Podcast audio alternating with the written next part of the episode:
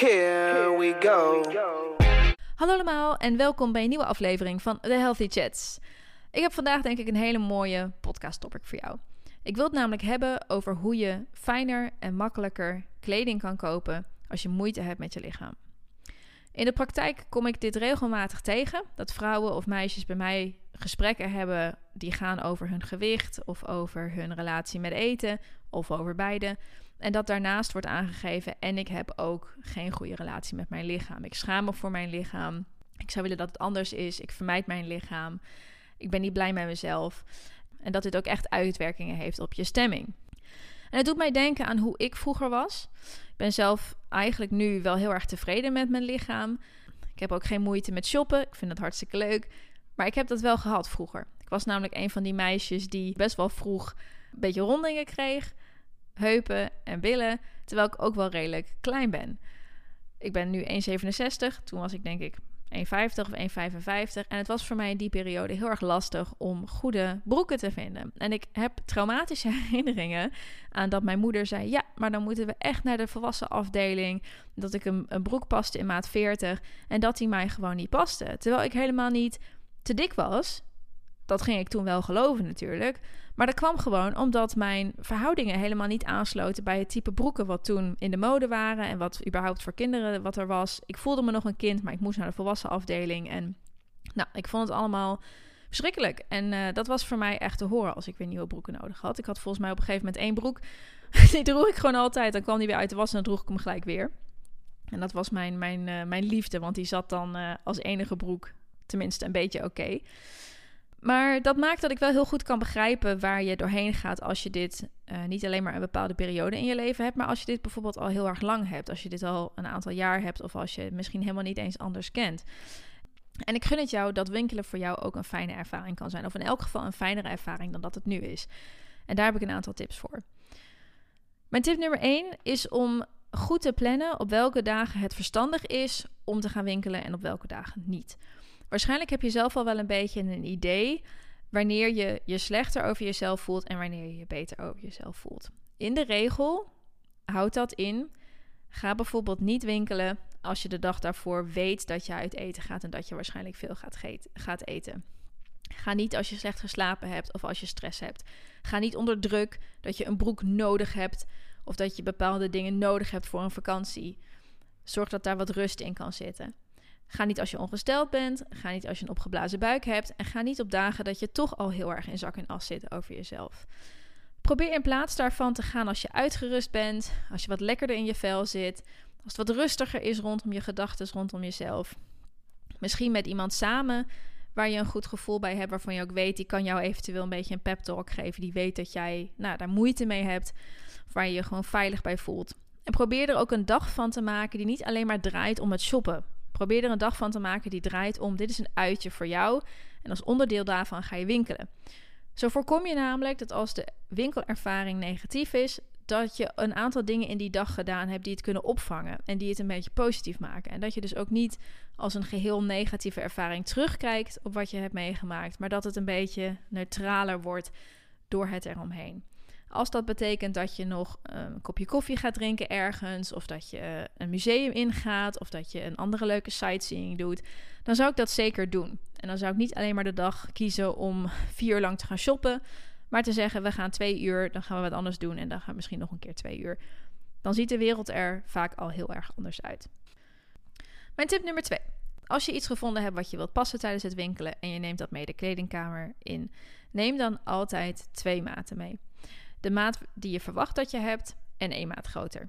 Als je dan in de paskamer bent, dan start je met het passen van de grotere maat. Als die dan te groot is, dan kun je naar de tweede maat gaan, uh, de, of de kleinere maat dus, en kun je die passen en die zal dan waarschijnlijk beter zitten. Maar zo voorkom je dat je een negatieve ervaring hebt doordat je als eerste de kleine maat past die dan vervolgens te klein is. Dus neem altijd twee maten mee en start met de grotere. Wat je ook kunt doen, en dat is tip nummer drie, is je weggedraaid van de spiegel omkleden. We weten allemaal dat licht in pashokjes niet het allerbeste is. Dat ligt niet aan jou. Wij hebben allemaal putjes en, en gesprongen aderen en eh, weet ik het allemaal, oneffenheden. En dat heeft te, te maken met dat licht in paskamers wat van boven komt. Hè? Je hebt in een paskamer geen ruimte om een lamp op te hangen, behalve direct boven je hoofd. En dat is het meest ongunstige licht wat je maar kan hebben. Tegelijkertijd willen de meeste kledingwinkels uh, geld sparen, dus ze hangen daar ook de meest goedkope lamp met het meest goedkope licht op. Ik geloof dat het dus ergste pashokjes zijn zo'n beetje van de Primark en de Zara, vind ik persoonlijk. Als ik mezelf daarin zie, dan denk ik, jemig, zie ik er zo uit. En vervolgens ga ik naar een H&M of naar een, zelfs een wat duurdere winkel... die dan wat meer investeren in de lampen. En dan denk ik, oh, nou, het valt eigenlijk ook wel mee. Het is eigenlijk wel oké. Dus licht kan heel veel doen met de perceptie van jezelf. Dat betekent niet dat jij er echt zo uitziet, want het licht komt nooit van boven. Nooit. Zelfs al schijnt de zon direct boven jou aan, aan de hemel, dit is nooit hoe je er in het echt uitziet. Dus dat is uh, even goed om te onthouden. Maar wat ik wilde zeggen, je kunt je dus omkleden, weggedraaid van de spiegel. Als je dat doet, dan heb je de mogelijkheid om eerst even te voelen hoe kleding zit. Dus je hebt het nog niet zelf gezien in de spiegel, je hebt alleen gevoeld hoe jij jezelf in dat kledingstuk voelt. Dat geeft jou de mogelijkheid om te bedenken: wil ik mezelf zien hierin? Of trek ik het weer uit en pas ik gelijk iets anders? Op het moment dat jij iets aantrekt en je krijgt de rits al niet dicht, of je voelt dat het al hartstikke strak zit, terwijl je weet dat het misschien eigenlijk jouw maat zou moeten zijn, en je voelt je er al rot in, bespaar jezelf dan om ook nog in de spiegel te kijken. Dat is echt gewoon self-punishment. Dat is jezelf straffen. Je hoeft dat niet te doen. Je mag het weer uittrekken, wegleggen en iets anders passen. Dus bespaar jezelf dat vervelende moment van confrontatie en draai je om. Kijk niet in de spiegel. Eerst voelen en dan beslissen of je het wilt zien of niet.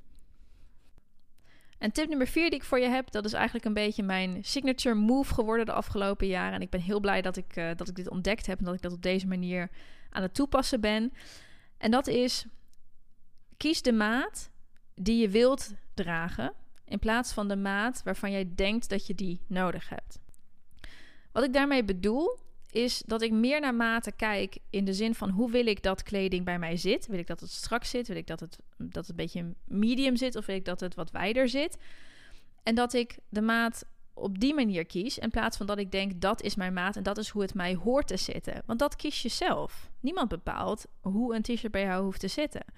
Ik ben daar een beetje op gekomen dat ik meer tweedehands kleding ben gaan kopen. En ook omdat de trend momenteel een beetje die oversized look is en ik dat eigenlijk wel heel erg leuk vind is dat ik denk, wie bepaalt dat ik een shirt in maat S hoef te kopen? Als ik wil dat het als een L zit, dan koop ik toch gewoon een maat L. Dus ik ben daarmee begonnen en ik vind dat fantastisch. Het geeft mij zo'n gevoel van vrijheid. Mijn kledingkast hangt inmiddels vol met maten van, ik geloof, XS tot L. En ik draag ook gerust een L als ik wil dat het oversized is. Ik heb een hekel aan broeken die strak zitten. Of ze me nou passen of niet. Ik heb een hekel aan strakke broeken. Dus mijn broeken koop ik standaard eigenlijk een maat te groot. Hetzelfde geldt voor jassen. Ik wil een lekkere oversized jas hebben, zodat ik er lekker in weg kan zinken. Dat ik er een dikke hoodie onderaan kan trekken. Mijn jassen, standaard een maat te groot. Winterschoenen, standaard een maat te groot. Want dan kan ik er een dikke sok in aantrekken. dus dit is een beetje hoe ik dat aanga. En het geeft mij een veel vrije interpretatie, ook van mijn eigen maat. Ik weet wel wat mijn maat is, tuurlijk weet ik dat. Want ik, ik ben hetzelfde gewicht als een aantal jaar geleden. Mijn maat is nooit veranderd. Maar ik maak minder gebruik van die maat. Ik heb veel meer verschillende maten in mijn kledingkast hangen. En daardoor ben ik er ook minder op gefixeerd dat ik deze maat heb. Het is de maat die ik onder andere draag. Als ik wil dus dat een shirtje wat strakker zit, bijvoorbeeld. Maar het is niet de maat die ik alleen maar draag. Ik heb allerlei maten in mijn kledingkast. Dus die fixatie op maten, die neemt daardoor ook een beetje af. En ik vind het een hele, hele fijne manier. Dus dit zou ik je absoluut aanraden. Mijn tip nummer 5 voor jou is om niet te vergeten dat je de baas blijft over je gedachten. Als jij in de kledingkamer staat, dan kies jij of je bepaalt: ik ben niet goed genoeg, ik moet afvallen, ik vind mezelf niet mooi. Of dat je je richt op de externe factoren en dat je bedenkt dat het licht in de kleedkamers bijvoorbeeld echt niet flattering is. Dat het model van de broek niet geschikt voor jou is, maar dat het er bij een andere broek heel anders uit kan zien. Hè? Soms heb je wel eens dat je in een winkel maat 40 van de ene broek past en maat 40 van de andere broek. En de ene broek zit goed en de andere broek zit verschrikkelijk. Dat heeft dus niet met jou te maken. Dat heeft te maken met de maatvoering of dat heeft te maken met het model van een broek. Hè? Niet iedereen heeft op dezelfde plekken eh, spieren of rondingen of juist minder rondingen. En voor verschillende vrouwen zijn er dan ook verschillende broeken en verschillende modellen. Onthoud ook dat je gevoel over jezelf, over je lichaam, een projectie kan zijn van jouw gevoel dat je over iets anders hebt. Hè? Gevoelens die gaan heel makkelijk schuiven. Dus een negatief gevoel wat je hebt over je relatie met je partner kan zich uiten in dat jij denkt: mijn lichaam is niet goed genoeg, ik moet hier iets anders mee. Slechte dag op werk, slechte dag op school. Jij voelt je rot over je lichaam. Onthoud dat dat waarschijnlijk het geval is en dat hoe jij je over jezelf voelt er over een paar dagen weer heel anders uit kan zien. En als je deze omdenkers toepast, en dat zijn eigenlijk een beetje de, de redders in nood, zeg maar. Dus als alle andere dingen die je hebt, die ik al heb verteld, die hebben allemaal niet gewerkt of die kon je allemaal niet doen.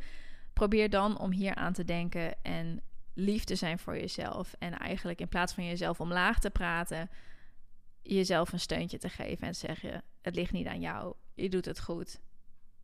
Ignore them. Ignore the haters. Dat is soms het beste wat je kan doen. En soms zijn de haters je gedachten. En dan is dat precies degene die je moet negeren. Komen we bij mijn laatste tip. En dat werkt denk ik niet voor iedereen. Maar ik noem hem toch eventjes. Soms kan online shoppen ook een uitkomst bieden. Als je namelijk online winkelt, dan kun je natuurlijk in je eigen vertrouwde omgeving passen. Precies op het moment dat het voor jou oké voelt. Misschien in de ochtend, als je nog weinig hebt meegemaakt, wat zich weer kan uiten in vervelende gedachten over jezelf. Nadeel is dat het wat lastiger is met verschillende maten achter elkaar passen.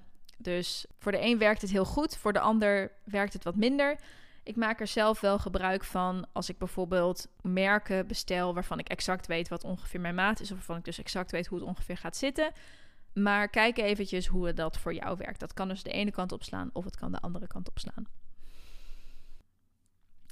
Dat zijn eigenlijk al mijn tips die ik voor nu heb over het makkelijker shoppen als je niet lekker in je vel zit. Ik hoop wel dat je hiermee aan de slag kunt gaan, dat je de tips toepast. Eventueel kun je deze podcast natuurlijk ook opzetten hè, terwijl je in de kleedkamer bent.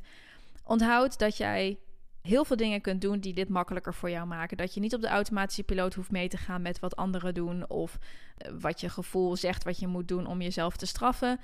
Daar kun je uitstappen. Je kunt het op een andere manier doen en het makkelijker en fijner maken voor jezelf. Ik hoop heel erg dat dat lukt. Ik wens je daar heel veel succes mee als je het gaat toepassen. En ik spreek jou in de volgende podcast.